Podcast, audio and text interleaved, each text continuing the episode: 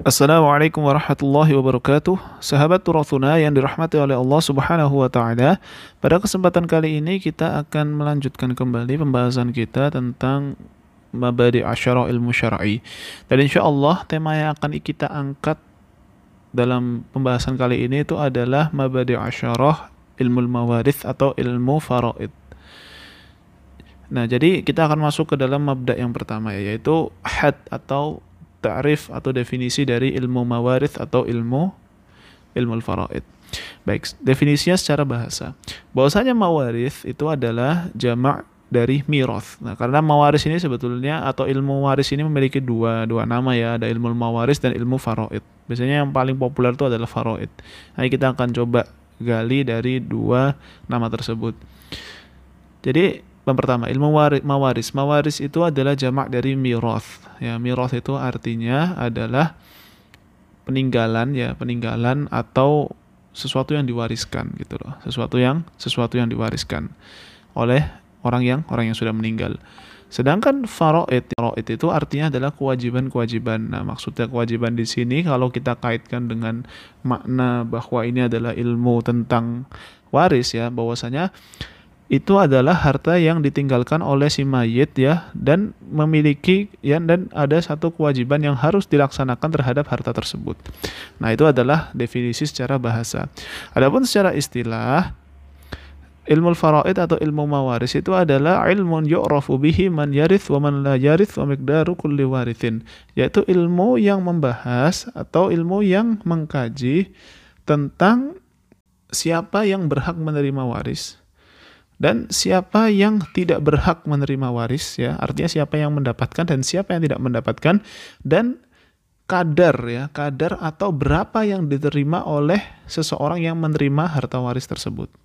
Ya, jadi intinya ya dari pembahasan ilmu waris itu adalah siapa yang mendapatkan, siapa yang tidak mendapatkan, maksudnya dari keluarga ya, siapa yang mendapatkan harta waris dan siapa yang tidak berhak mendapatkan harta waris dan yang mendapat harta waris ini kira-kira dapat berapa. Nah, gitu. Jadi ada takarannya tersendiri. Baik, itu adalah definisi secara istilah dari ilmu waris atau ilmu faraid. Atau adapun mabda yang kedua yaitu tema, tema yang dibahas dalam ilmu faraid ini atau ilmu mawaris ini. Jadi tema besar yang dikaji dalam ilmu waris itu adalah at-tarikat, yaitu harta peninggalan si mayit. Ya, jadi harta waris itu sendiri yaitu harta yang ditinggalkan oleh oleh si mayit ya, sehingga harta tersebut dibagikan dan berapa kadar atau berapa yang diperoleh oleh orang yang berhak menerima waris. Nah, gitu. Jadi pembahasannya sebetulnya sudah dibahas dalam definisi secara istilahnya yaitu tentang harta warisnya ya, harta warisnya dan berapa yang diperoleh oleh orang yang berhak mendapatkan mendapatkan waris dan metodologi dalam membaginya. Itu adalah maudhu atau tema yang dibahas dalam ilmu faraid atau ilmu mawaris. Adapun yang ketiga yaitu thamarah ya. Thamarah ini adalah apa yang diperoleh ketika kita mempelajari ilmu waris. Nah, ketika kita mempelajari ilmu waris ya, maka ilmu waris ini ya dapat mengantarkan kita kepada pengetahuan memberikan hak kepada orang yang berhak menerima hak tersebut atau menerima harta tersebut. Nah, jadi sebetulnya ilmu waris ini adalah yaitu tadi menjelaskan ya atau memberikan pemahaman kepada seseorang sehingga seseorang itu tahu siapa yang berhak untuk menerima harta waris tersebut. Adapun yang keempat yaitu adalah nisbah yaitu hubungan atau ilmu ini itu menjadi cabang dari ilmu apa gitu loh. Nah, ilmu ini itu sebetulnya masuk dalam kategori ilmu syar'i ya. Dan seba, sejujurnya memang ilmu faraid ini adalah bagian dari ilmu fikih. Pertanyaannya adalah kalau seandainya ini bagian dari ilmu fikih, kenapa tidak dikategorikan sebagai ilmu fikih saja? Betul, memang ilmu faraid ini adalah bagian dari ilmu fikih. Tetapi kalau kita dapati kitab-kitab atau buku-buku karangan para ulama, sejujurnya pembahasan mengenai faraid adalah pembahasan tertentu gitu. Jadi memang dia itu memiliki keunikan tersendiri sehingga kalau seandainya masuk dalam ranah fikih ini takutkan akan menjadi sesuatu yang akhirnya dianggap terlalu lebar dalam ilmu fikih ini. Karena memang faraid ini adalah ilmu yang memiliki keunikan ya dan pembahasan yang cukup komprehensif untuk dijadikan sebagai salah satu madah atau diskursus baru. Sama seperti maqasidus syariah. Maqasidus syariah sebagian ulama mengkategorikan sebagai ilmu usul fikih.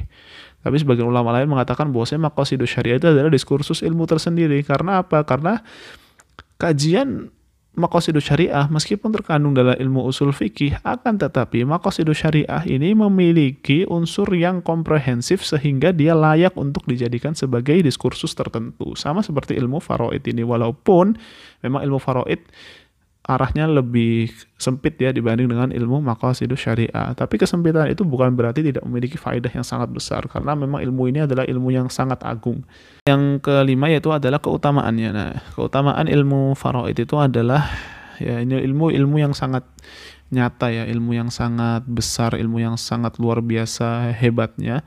Dan satu lagi yang perlu diperhatikan bahwasanya setiap ilmu yang terkandung ilmu-ilmu syariat itu terkadang Allah Subhanahu wa taala menjelaskannya secara global ya. Lalu di situ para ulama memberikan rincian dari penjelasan global Allah Subhanahu wa taala dalam Al-Qur'an maupun apa yang disampaikan Rasulullah wasallam seperti masalah ilmu fikih. Ilmu fikih kita dapati dalam Al-Quran, ya banyak ya tentang hukum-hukum. Tetapi rincian-rincian dalam ilmu fikih ya itu sangatlah banyak dan dijelaskan oleh para ulama. Nah, berdasar kepada dalil global dari ilmu ilmu fikih tersebut. Berbeda dengan ilmu faraid. Ilmu faraid ini ya, itu Allah Subhanahu wa taala mentafsilkan atau merinci pembahasan dalam ilmu faraid. Kita bisa lihat di dalam surat An-Nisa ya, ayat 11 12 dan ayat terakhir membahas tentang siapa yang berhak mendapatkan waris secara rinci. Artinya ilmu faraid ini memiliki keutamaan tersendiri. Ya, keutamaannya gitu. Bahkan Allah Subhanahu wa taala sampai memperinci. Nah, bahkan di hadis Nabi Shallallahu alaihi wasallam mengatakan bahwasanya ilmu faraid ini adalah ilmu yang pertama kali akan dicabut di dalam diri diri umat ini. Nah, seperti itu. Jadi, memang ilmu ini memiliki keutamaan yang sangat luar biasa. Lalu yang keenam adalah wadi'. Siapa peletak dasar pertama ilmu? Ilmu faraid. Tentu Allah Subhanahu wa taala yang bisa kita lihat dalam surat An-Nisa ayat 11, ayat 12 dan ayat terakhir itu. Lalu yang ketujuh yaitu nama. Nama dari ilmu mawaris ini ada dua ya, seperti yang saya sebutkan tadi. Yang pertama ilmu mawaris dan yang kedua adalah ilmu faraid. Lalu yang kedelapan istimdad, dasarnya, dasar ilmu tersebut. Nah, ilmu ini ya berdasar kepada Al-Qur'an, As-Sunnah dan ijma' para para sahabat ya. Meskipun memang nanti akan ada ijtihad ijtihad tersendiri tapi memang ilmu faraid ini berdasar kepada Al-Qur'an As-Sunnah dan ijma' sahabat. Maka dari itu mentajdid ya, atau membuat kaidah ilmu waris baru nah ini justru akan mengundang kekeliruan. Maka dari itu uh, Al Imamul Akbar ya Syekh Ahmad Thayyib yaitu guru besar Al Azhar ya Imam besar Al Azhar Syekh Ahmad Thayyib itu mengkritisi usaha dari uh, beberapa kalangan parlemen ya atau beberapa orang-orang dari Tunisia yang mencoba untuk mengrekonstruksi kaidah waris sehingga semua itu harus sama laki-laki perempuan itu harus sama. Nah Syekh Ahmad Taib ini mengkritisi habis tentang pemikiran tersebut, tersebut. Karena apa? Karena memang ilmu waris ini memiliki hukum dan memiliki rincian tersendiri yang disebutkan oleh Allah Subhanahu wa taala dalam Al-Qur'an Lalu yang ke sembilan yaitu hukum mempelajari ilmu ilmu waris ini ya. Ilmu waris ini hukum mempelajarinya dan mengajarkannya adalah fardu kifayah. Jadi tidak semua orang dituntut untuk mempelajari ini dan hanya orang-orang tertentu saja untuk di yang dapat atau yang berhak untuk mengetahui ilmu tersebut. Tapi dalam ranah prakteknya seorang wajib untuk mempraktekkan ilmu faraid ini. Maka perlu mengundang ya orang-orang khusus yang dapat mengetahui ilmu faraid ini. Adapun yang terakhir yaitu masail yaitu masalah-masalah yang dibahas dalam ilmu faraid ini adalah sangat banyak ya ya sangat banyak sekali yang dibahas dalam ilmu faraid misal contoh tentang orang tua ya itu mendapatkan seperenam lalu anak mendapatkan seberapa gitu. Ada orang kalau seandainya misal semuanya sudah dibagi-bagi lalu ada sisa nah sisanya ini untuk siapa nah itu semua itu dibahas dalam ilmu ilmu faraid atau ilmu mawaris. Baik mungkin itu saja dari saya. Kurang lebihnya saya mohon maaf. Mudah-mudahan teman-teman bisa memahaminya secara seksama. Syukron. Assalamualaikum warahmatullahi wabarakatuh